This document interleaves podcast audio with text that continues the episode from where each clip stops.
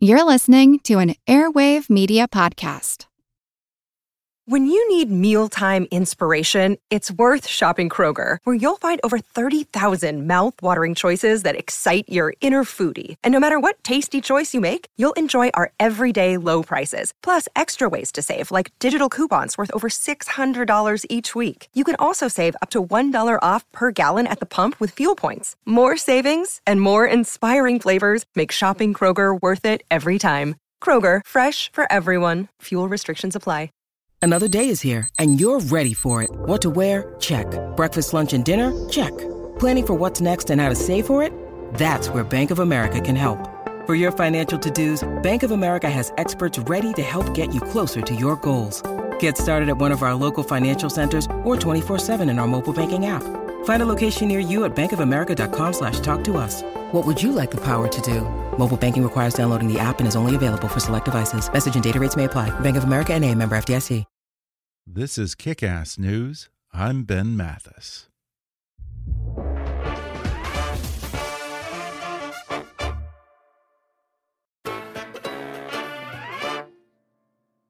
Egypt's Valley of the Kings was a burial ground for the pharaohs. The most powerful rulers were all buried at this site in beautifully crafted, treasure filled tombs, including Tutankhamun or King Tut, Ramses II, and Hatshepsut. But the Valley of the Kings is actually two separate branches, east and west. Despite more than 200 years of excavation in this area, the Western Valley of the Kings has remained mostly forgotten until now. In the biggest Egyptian excavation ever attempted, a team of archaeologists led by world renowned Egyptologist Dr. Zahi Hawass are going into the Western Valley of the Kings to uncover a new chapter in ancient Egypt's most fascinating story. And it's all documented for a new two hour special from Discovery Plus called Valley of the Kings The Lost Tombs. Today, I'm thrilled to have the legendary Zahi Hawass on the show to talk about this fascinating adventure into Egypt's past.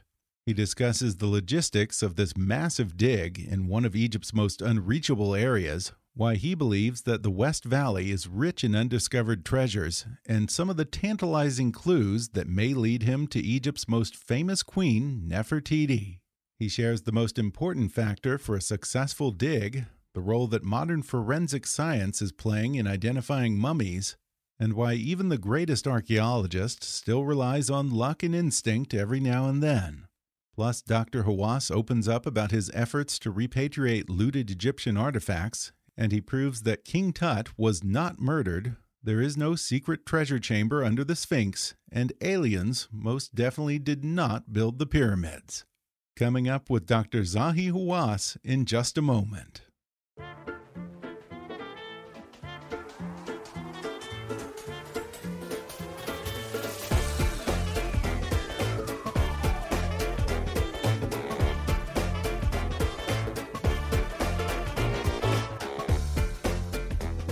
World renowned archaeologist Zahi Hawass is the former Egyptian Minister of Antiquities and Director of Excavations at Giza, Saqqara, the Bahariya Oasis, and the Valley of the Kings. Dr. Hawass has made a number of major discoveries over the course of his career, including the tombs of the pyramid builders at Giza, the Valley of the Golden Mummies at Bahariya, and multiple pyramids at Giza and Saqqara. He is also the author of many books and appeared in numerous documentaries and television programs, earning him an Emmy Award in 2006. Now he's leading the biggest archaeological excavation ever attempted in Egypt in search of the tomb of a legendary queen in the Western Valley of the Kings, and he's bringing audiences along for the adventure in a new two hour special called Valley of the Kings The Lost Tombs, which streams Monday, March 1st on Discovery Plus. Dr. Zahi Hawass, thanks for joining me. Thank you. You're welcome. Uh, uh Dr. Hawass, this is such an honor. I've seen you on uh, it seems like a hundred different television shows over the years. So uh, you you are, have a storied career. You're world famous now uh, as an archaeologist and in the realm of ancient antiquities in Egypt. Uh, I would argue that you are probably the world's most famous Egyptian, or, or at least the most famous living Egyptian. We're not counting King Tut here. Thank you. how did you first get interested in archaeology? You know, when I was young. I did not really uh, uh, have have nothing to do with archaeology at all. I wanted to be uh, a lawyer and I want to focus on law. But when I bought the books of law, I did not like it. Then I went to Faculty of Arts. I joined the archaeology department without knowing knowing anything about archaeology. I stayed four years. Actually, I did not like studying archaeology. Really? I finished in the age of 19 and a half. I did uh, have a job, which anyone can have. It's a government job, an inspector of antiquities at the antiquities department. But I did not like the people around me. Then I thought that I should leave. I tried to be a diplomat. I failed. I came back to the Department of Antiquities, and the head of Antiquities decided to send me to do excavations. While I was sitting in my tent, one of the workmen came to me to say that they found a tomb. I went to the tomb. The head of the workmen began to teach me how to excavate the tomb. In the middle of the tomb, I found a statue. I began to clean the statue. I said, I found my love. And that was the passion that I had uh, to make me really go in the field of archaeology and make the adventures that I do. Just uh, yesterday, I was in my excavation at Saqqara. I'm working near the pyramid of Teti, the first king of Dynasty 6. And actually, I entered inside a shaft about 150 feet deep down. And I do that because of the passion that I have for archaeology. So it sounds like you you really enjoy being in the field and being involved in a dig rather than yes. sitting in I'm an working, office or a museum. Huh? I, am excavating now in the Valley of the Kings yeah. and in Saqqara. And in about uh, on the 17th of this month of March, I'm going to make another big announcement in the Valley of the Kings. Big oh, one. wow. Great. Yeah. yeah. that's that's exciting. And and your new special on Discovery Plus covers a lot of what you've been working on in the That's, Valley of the you know, Kings. the Discovery film actually is going to show the largest excavation ever happened in the Valley of the Kings after Howard Carter. More than 100 workmen, and we really Wow. removed uh, blocks of uh, stones and sand. It was the most incredible excavation ever happened in the history of the Valley of the Kings after Wow. Howard Carter. It's interesting that you bring up Howard Carter because in the special, it seems like you you still have sort of a mild obsession with Howard Carter, the legendary man who discovered King Tutankhamun's tomb. I agree. You know, he's like my favorite archaeologist, actually. Really? and uh, I really liked his passion and how he was keen in working and he thought that he was going to discover the tomb and he found the tomb. Mm. And this really is my passion also. The same. I'm still working in the Valley of the Kings. And I told you, I'm going to announce a big discovery again on the 18th and another big discovery soon. It's interesting. Uh, it's been over a hundred years, I think, since that discovery, and yet King Tut. uh, I mean, he's really been the greatest ambassador for Egypt all over the world. I, I think that discovery kicked off this Western obsession with Egyptology that's lasted to this very day. Yeah, you know, so one year from now, in November 4th, 2022, will be 100 years of the discovery. Wow, And I really, I wrote an opera called Opera Tutankhamun.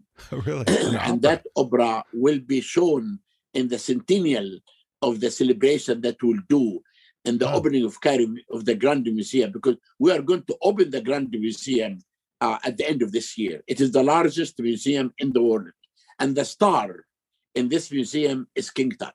How exciting! Now, Tutankhamun's tomb famously had a curse inscribed at the entrance, and uh, supposedly many of the original dig team died shortly thereafter. Some say under mysterious circumstances. I I wonder, have you ever uncovered a tomb with a curse, and are you superstitious about that sort of thing? You know, I, no, I, I, I want to tell you that was not true. Oh, that was true. a legend. Really? No, you know, because Lord Can- Lord Carnarvon gave ex- exclusive rights to London Times to write about the discovery. Then the other reporters had nothing to do. Then, when Lord Carnarvon died, five months after the discovery, the reporters began to create stories. That's not true. Oh. There is no Oh. curse in the tomb at all. okay. Actually, and this is why people always believe in the curse. When I did go to examine the mummy of Tutankhamun, many things happened to me.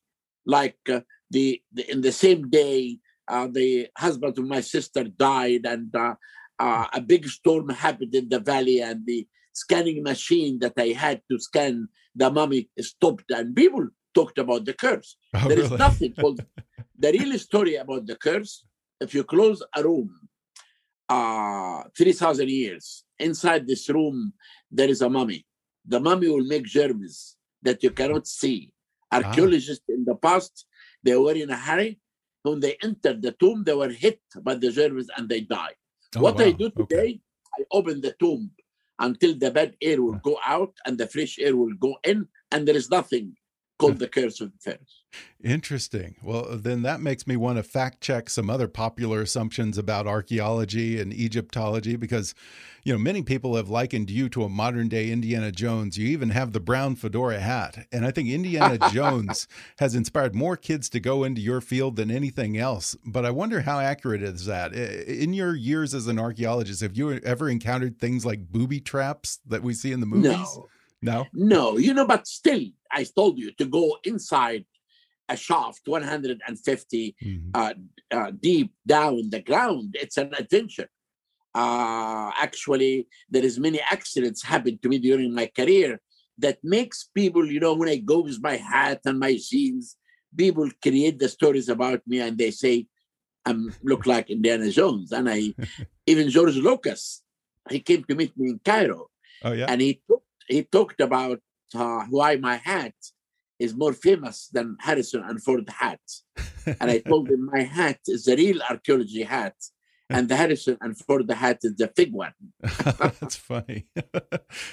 now, by my count, you have led at least 30 major excavations in your career. What are some of your greatest discoveries so far?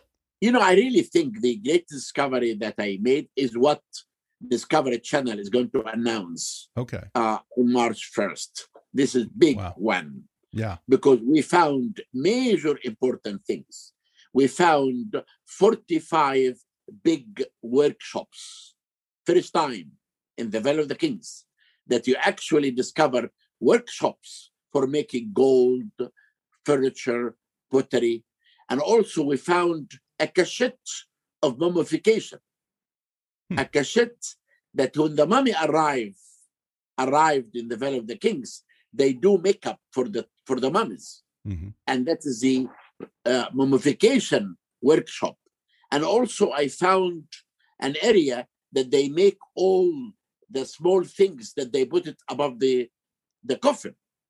And we discovered a tomb, KV 65. Inside this tomb, we found the tools that the ancient Egyptian used to construct a tomb.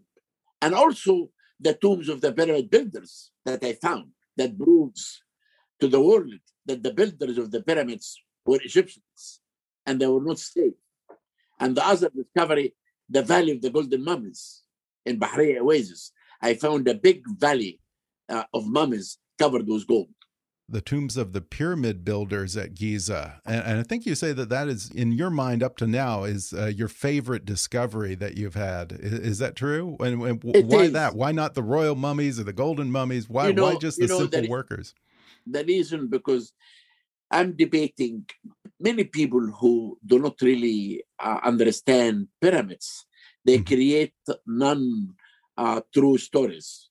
Something look like Elon Musk, who announced that aliens built, pyramids. Right. You have aliens. many people who believe of uh, lost civilization. But when I found the tombs of the pyramid builders, that was an important discovery to tell the whole world that the builders of the pyramids were Egyptians Mhm. and they were not slaves. yeah. Because the discovery found in the shadow of the Great Pyramid of Khufu. Uh, I wonder, as an Egyptian, do you get a little bit insulted when people suggest that the ancient Egyptians couldn't have possibly built these amazing No, no, buildings? no, no, at No. all. I always say if anyone will who never studied archaeology or Egyptology and stood in front of the Great Pyramid of Khufu mm-hmm. and he knows nothing about Egyptology, he will wonder how they did it. And he will create many stories. But if you study Egyptology, you'll understand. Three years ago, uh, a major papyri was found. It's called the Wadi al-Jarf papyri, was found in the Red Sea. It tells us about the construction of the Great Pyramid of Khufu, a story in hieroglyphic. It tells us about a workman, an overseer of the workmen, who actually lead a team of 40 workmen to cut the stones for building the pyramids. Then you have facts. But when you talk about aliens, it's a myth. right. It's not true. There is nothing. But I laugh always. I never feel insulted because of okay. that. Uh, yeah, and, and I have actually myself stood at the base of the Great Pyramid or the Pyramid of Khufu. I've been to your country and I'm just completely amazed. I always tell people it's impossible to truly appreciate the scale of that pyramid from a photograph or a television show. There's just no way to really comprehend the size until you're standing at the base and you see how big each of those stones is. I know, but this is yani, the Great Pyramid doesn't stand by itself. We have 124 right. pyramids in Egypt, but the Great Pyramid could be the largest. And the one of his father in Dahshur is Dahshur is as equal as uh, the hmm. Pyramid of Khufu. Interesting. And when did you when did you come to Egypt to visit? Uh, it's been many, probably ten years ago at least. So it's been. Some and you time. are based. Where, where are you? Where do you live? I live in Los Angeles. Oh, so it's, it's a long flight. City. oh, no, my, I, I, I, I, I was uh, the summer of 20, 2019 invited by the Getty, and I taught at UCLA oh. for five summers. Oh, really? Oh, great! Wow. Then Los wow. Angeles is my second favorite city after Cairo. yeah, I, I just am, am, amazed by Egyptology, and I've been to Luxor and, of course, the pyramids. But there's just so much to see there, and it's interesting that you said that that pyramid, the the Great Pyramid or the Pyramid of Khufu, you said may be the biggest. You think that there may be pyramids yet to be discovered that could be bigger? No, no, oh, okay. because it cannot be. There is nothing like this. I found in my career uh, small pyramids of queens. Mm. I'm excavating now near a pyramid of queen that I found. You can discover small pyramids like uh, 20, 50 feet uh, uh, high, but you will never discover a, a, a pyramid with yeah. the height of Khufu to be buried under the sand. Now, adjacent to the Great Pyramid, you have, of course, the Sphinx at Giza, and a lot of people believe that there's some kind of treasure chamber buried under that. What no, do you think about that? You know, I I excavated, I excavated around the Sphinx and I found four tunnels mm-hmm. inside mm-hmm. the Sphinx. One behind the Dream Stela, and the second one in the top behind the head, go down for about 20 feet, and the one in the tail goes down for 45 feet inside the body of the Sphinx, and one in the north side. And we found evidence that those tunnels were cut on the late period, about 500 BC, by the people who actually uh, had ideas that the Sphinx could contain treasures. But we dated the tunnels based on in situ pottery to say okay. that the tunnels dated back 2,500 years ago. But there okay. is really nothing is hidden underneath the Sphinx that many people believe. I did drill underneath the Sphinx, 32 drilling goes down for about uh, 30 to 40 feet. And I proved that the Sphinx was a solid rock and okay. a living rock. and there is nothing is hidden under the Sphinx. We're going to take a quick break and then we'll return with more when we come back in just a moment.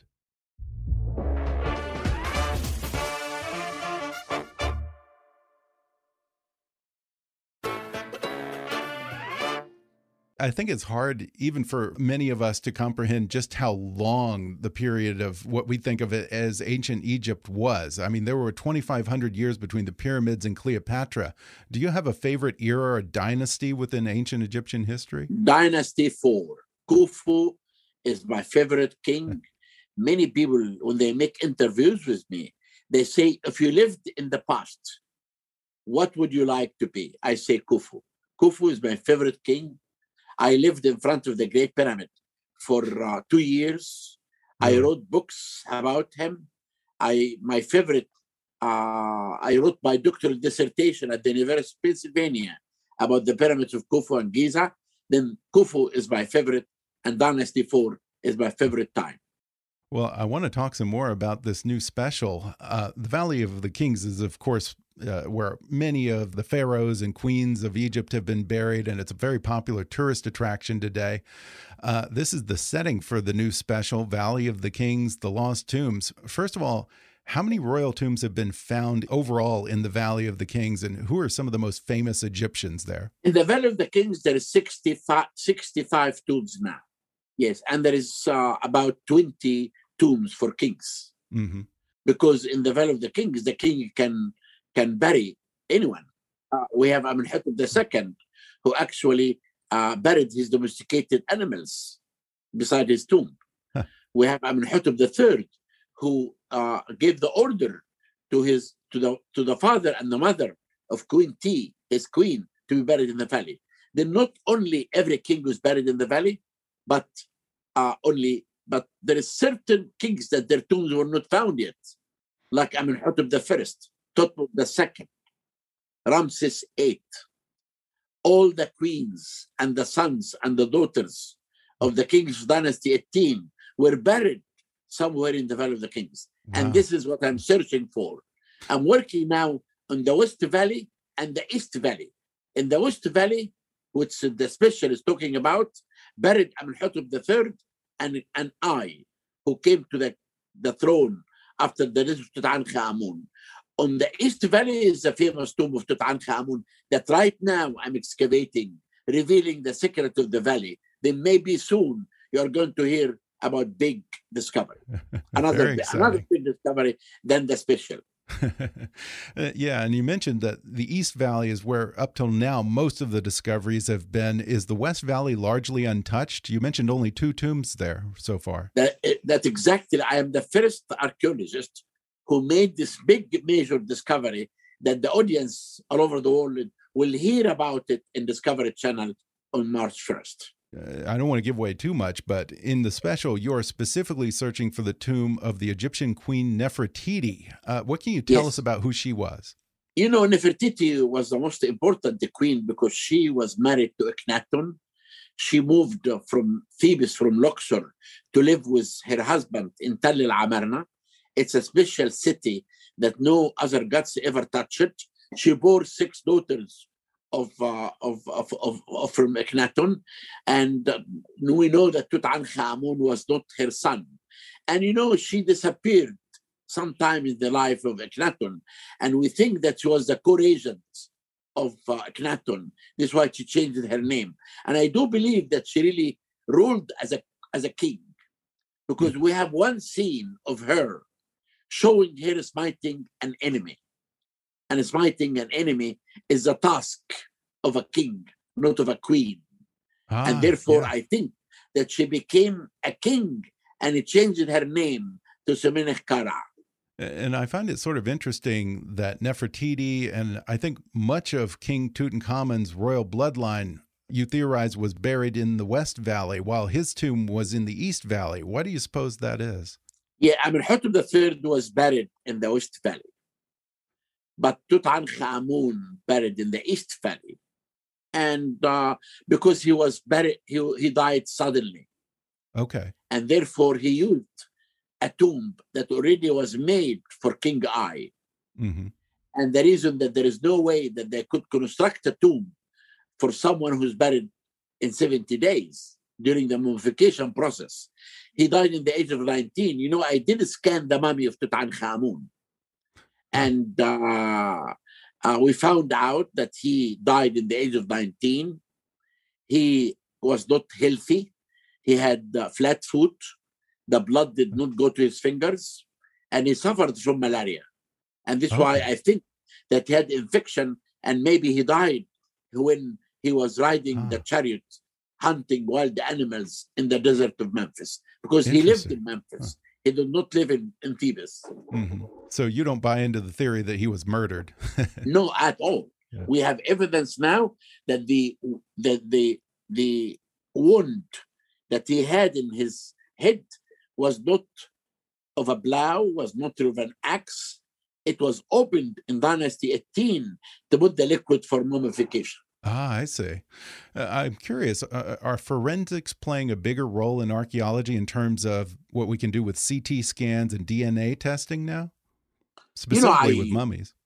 I did uh, lead the Egyptian mummy project, and I did uh, scan 22 royal mummies.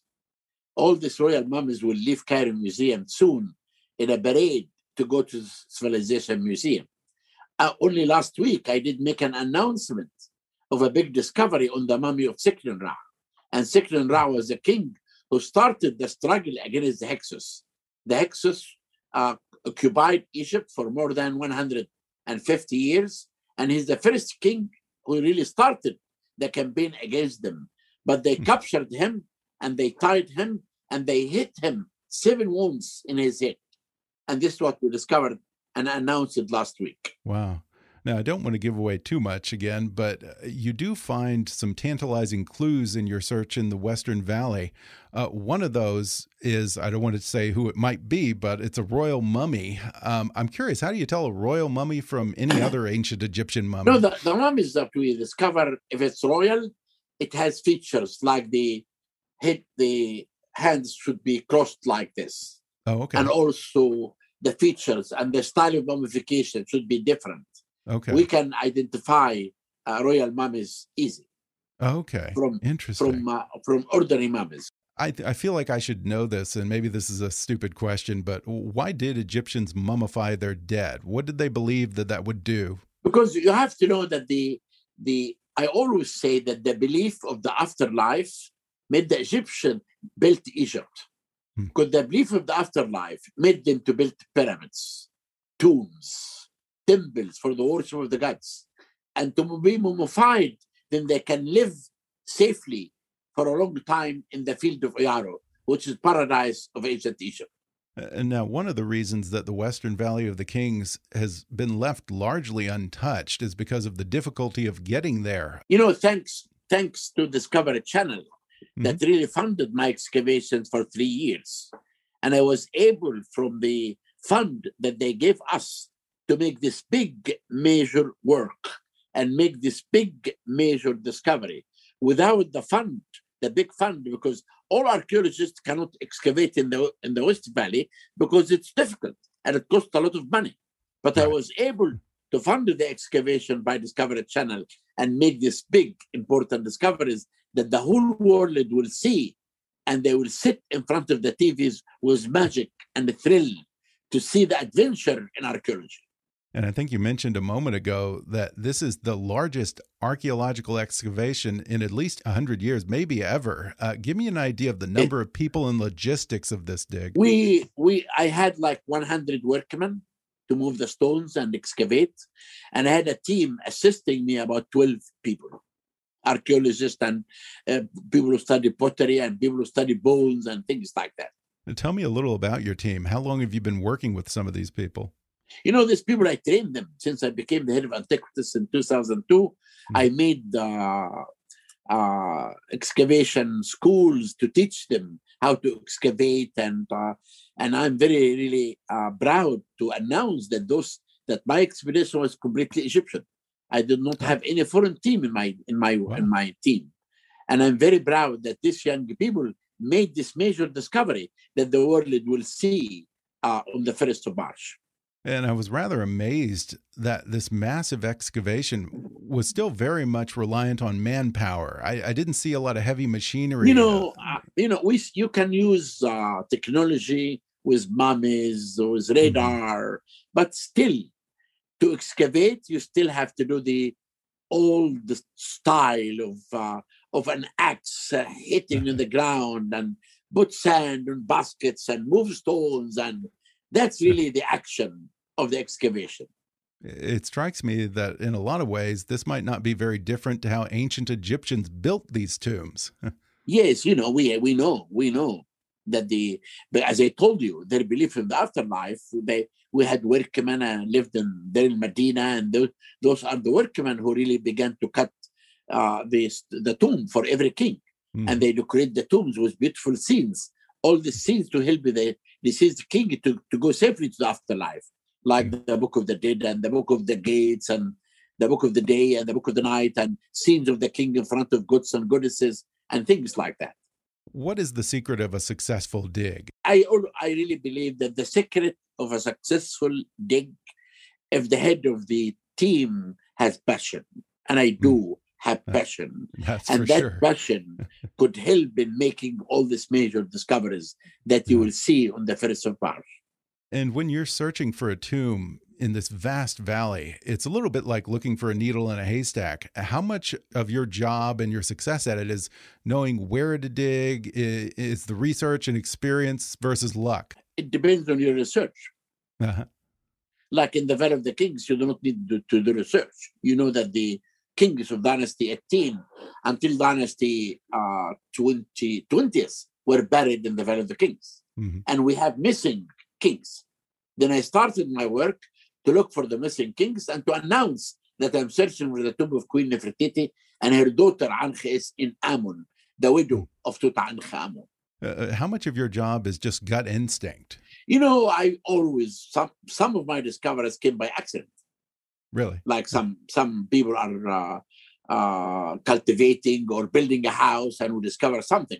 But mm-hmm. most of my excavation really came through research, like the tombs of the pyramid builders, like my work in the Valley of the Kings. But what came by by accident is the Valley of the Golden Mummies.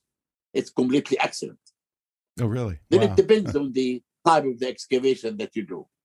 Uh, you had to suspend this dig in the Western Valley. Uh, last, I'm assuming this was last summer due to heat, right? Yeah, I always stop my excavation in May 1st. Okay. And begin again on uh, September 1st.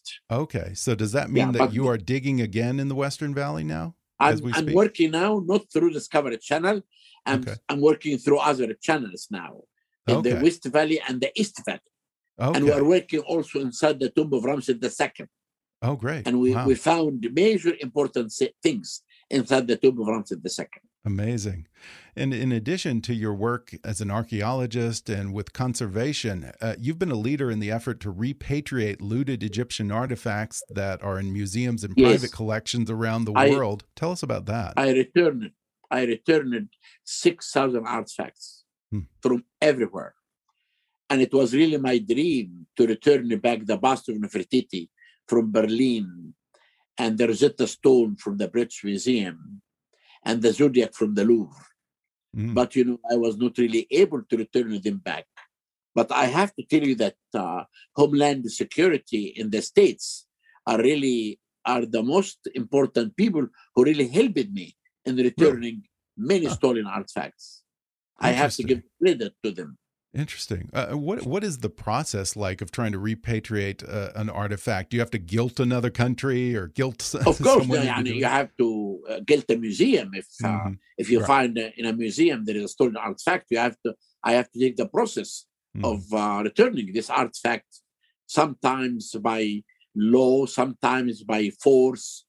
Sometimes I announce if this museum will not return a stolen artifact, they will never work in Egypt I used things like this until mm-hmm. I returned 6,000 artifacts back to Egypt. And you're also probably Egypt's greatest ambassador for tourism. Uh, Egypt experienced some instability during and immediately following the Arab Spring in 2011. And that had a devastating impact on tourism, which is, of course, the country's largest industry. Obviously, it's been impacted again by the pandemic. But I wonder, prior to COVID, had tourism largely recovered by 2019?